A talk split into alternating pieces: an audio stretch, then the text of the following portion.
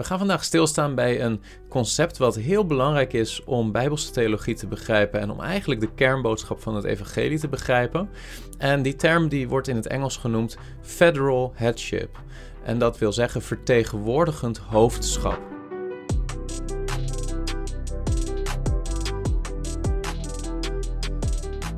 Wat dat betekent is eigenlijk heel belangrijk om christelijke theologie goed te begrijpen. Um, en ik persoonlijk denk dat dat het model is waarmee je het best kunt begrijpen wat er gebeurt in de Bijbel en wat de Heer Jezus voor ons heeft gedaan.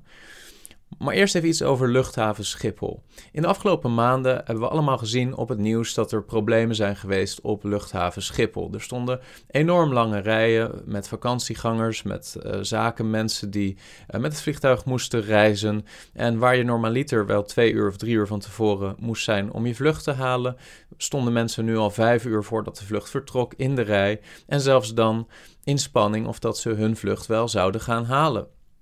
En recent, 15 eh, september uh, van het jaar 2022, dit jaar, kondigde de CEO, de Chief Executive Officer, oftewel de voorzitter van de Raad van Bestuur van Schiphol, aan dat hij ging opstappen. Dat is overigens Dick Benschop. Hier zie je een kort fragment waarin hij dat aankondigt. Er is veel aandacht en ook kritiek voor de manier waarop Schiphol de problemen aanpakt en te lijf gaat. En dat geldt ook voor mijn verantwoordelijkheid als CEO. Ik maak op eigen initiatief ruimte om Schiphol een nieuwe start te geven. Eigenlijk is het best wel opmerkelijk um, dat de voorzitter van de Raad van Bestuur als de grote baas van Schiphol zijn vertrek op dat moment aankondigt.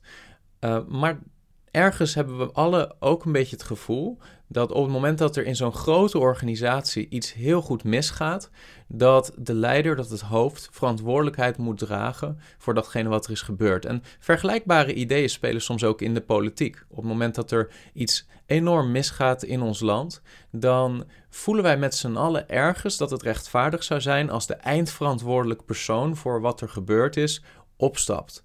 Terwijl vaak die eindverantwoordelijk persoon helemaal niet direct betrokken is geweest op de werkvloer bij de misstanden of de dingen die verkeerd zijn gegaan. Vaak heeft dat veel meer te maken met mensen die op een veel lager niveau van bestuur uh, uitvoerende taken op een verkeerde manier uitvoeren. Vaak heeft het ook te maken met dingen die gewoon niet helemaal onder de controle zijn van uh, de baas van een grote organisatie.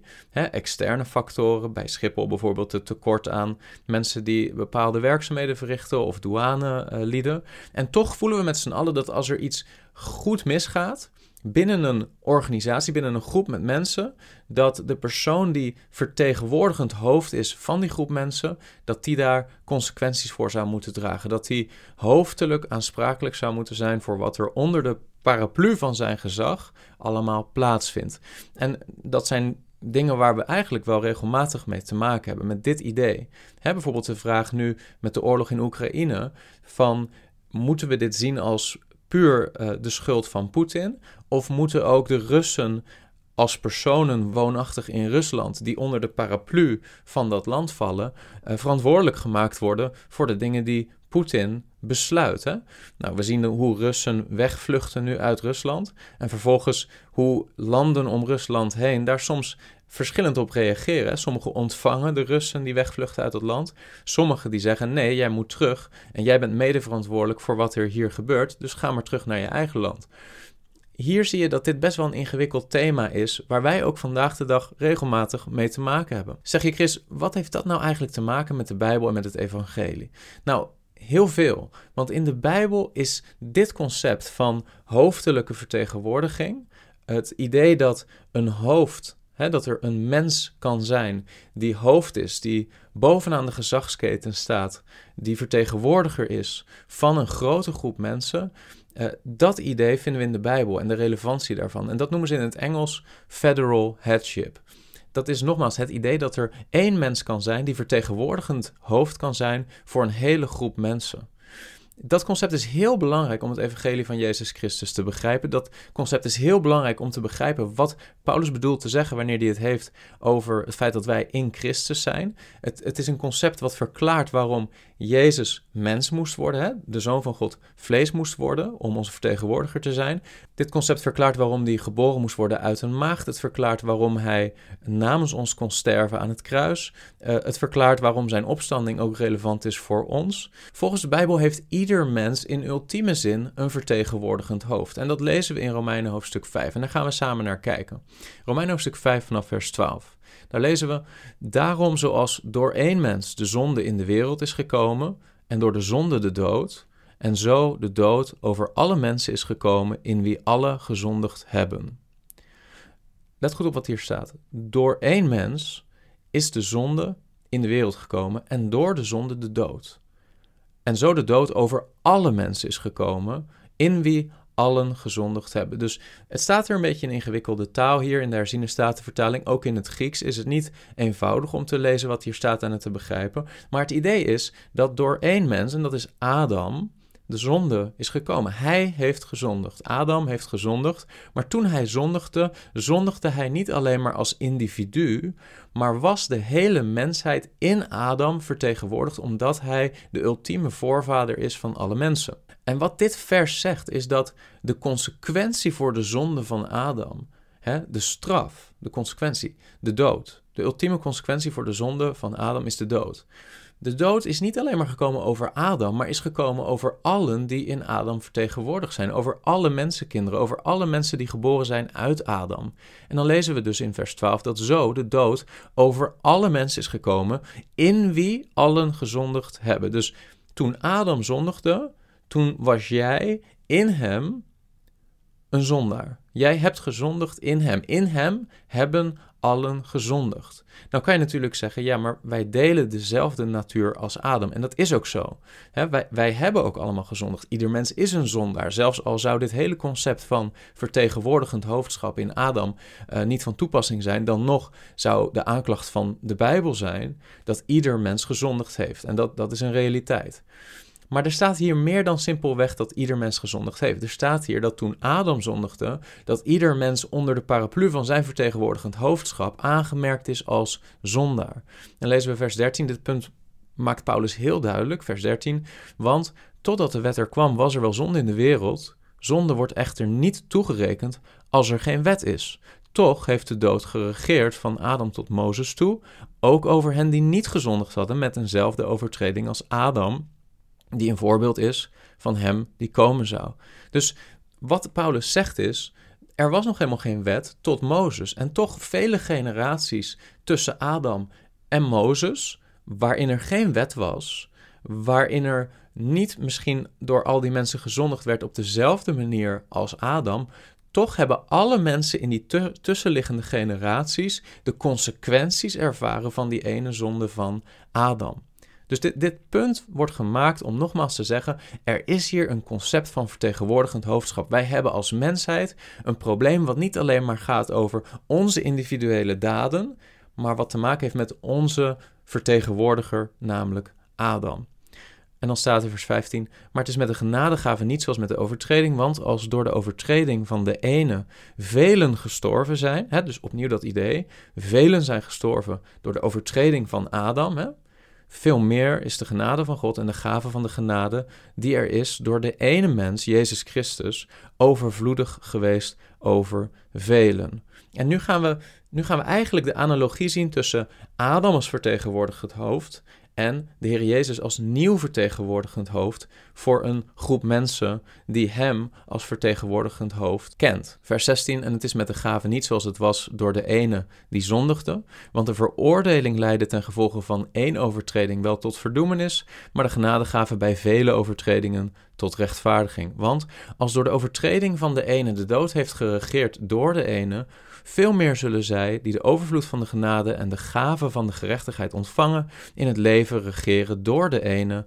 namelijk Jezus Christus. Vers 18, zoals dus door één overtreding de veroordeling gekomen is over alle mensen tot verdoemenis, zo komt door één rechtvaardigheid ook de genade over alle mensen tot rechtvaardiging van het leven.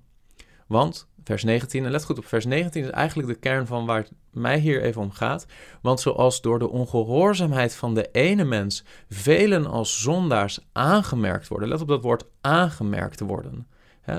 Een soort geïmputeerde zonde, een geïmputeerde zondigheid. Velen worden als zondaars aangemerkt in de ongehoorzaamheid van Adam als vertegenwoordigend hoofd van de hele mensheid. Zo zullen ook door de gehoorzaamheid van de ene, namelijk de Heer Jezus Christus, velen als rechtvaardigen aangemerkt worden. En hier zie je dat eigenlijk dat idee van de erfzonde, en dan neem ik even als begrip erfzonde vooral het idee van geïmputeerde zondigheid, geïmputeerde schuld. Hè? Dat staat in direct verband met het idee van toegerekende gerechtigheid. Wat zo belangrijk is voor ons om het evangelie van de Heer Jezus Christus te begrijpen. Misschien zeg je van, maar dat is toch oneerlijk? Waarom moet ik gestraft worden voor de zonde van Adam? Maar dat is een heel individualistische kijk op rechtvaardigheid en niet een bijbelse visie op dit hele concept. Ik weet dat we, hè, anno 2022, in de westerse wereld, wij denken heel individualistisch over uh, rechtvaardigheid en over verantwoordelijkheden. Maar in de Bijbel zien we een ander soort patroon. En dat zie je terug in bijvoorbeeld het voorbeeld van Agan. Agan in Jozua hoofdstuk 7, een Israëliet die tijdens een, uh, een oorlogscampagne iets doet wat God verboden heeft. Namelijk, hij steelt bepaalde kostbare objecten uh, van de vijand die hij niet had mogen stelen. En let goed op wat er dan gebeurt. Dan staat er, toen nam Jozua, Jozua 7 vers 24, toen nam Jozua en heel Israël met hem Agan, de zoon van Zera, en het zilver, de kostbare mantel, de goudstaaf, zijn zonen, zijn dochters, zijn runderen, zijn ezels, zijn kleinvee, zijn tent en alles wat van hem was. En zij voerden die naar het dal van Agor. Jozua zei, waarom hebt u ons in het ongeluk gestort? De Heere zal u in het ongeluk storten op deze dag. En heel Israël stenigde hem met stenen en zij verbrandden hen met vuur. En zij wierpen stenen over hen en richtten een grote steenhoop boven hem op, die er is tot op deze dag. Toen liet de Heere zijn brandende toorn varen, daarom gaf men die plaats de naam Dal van Agor tot op deze dag. Dus met andere woorden, Agan die steelt kostbaarheden die hij niet had mogen stelen. Dat doet hij persoonlijk. Hè? Dat, er staat nergens dat hij met heel zijn gezin en al zijn koeien en runderen uh, die, die kostbare Babylonische mantel stal of het zilver of de goudstaaf. Nee, hij deed dat alleen. Dat was zijn persoonlijke keuze. En toch zien we hier dat de consequenties niet alleen maar hem persoonlijk treffen, maar allen die onder de paraplu van zijn vertegenwoordigend hoofdschap vallen, namelijk zijn vrouw, zijn kinderen, zijn dieren, zijn tent, zijn bezittingen, etc. etc.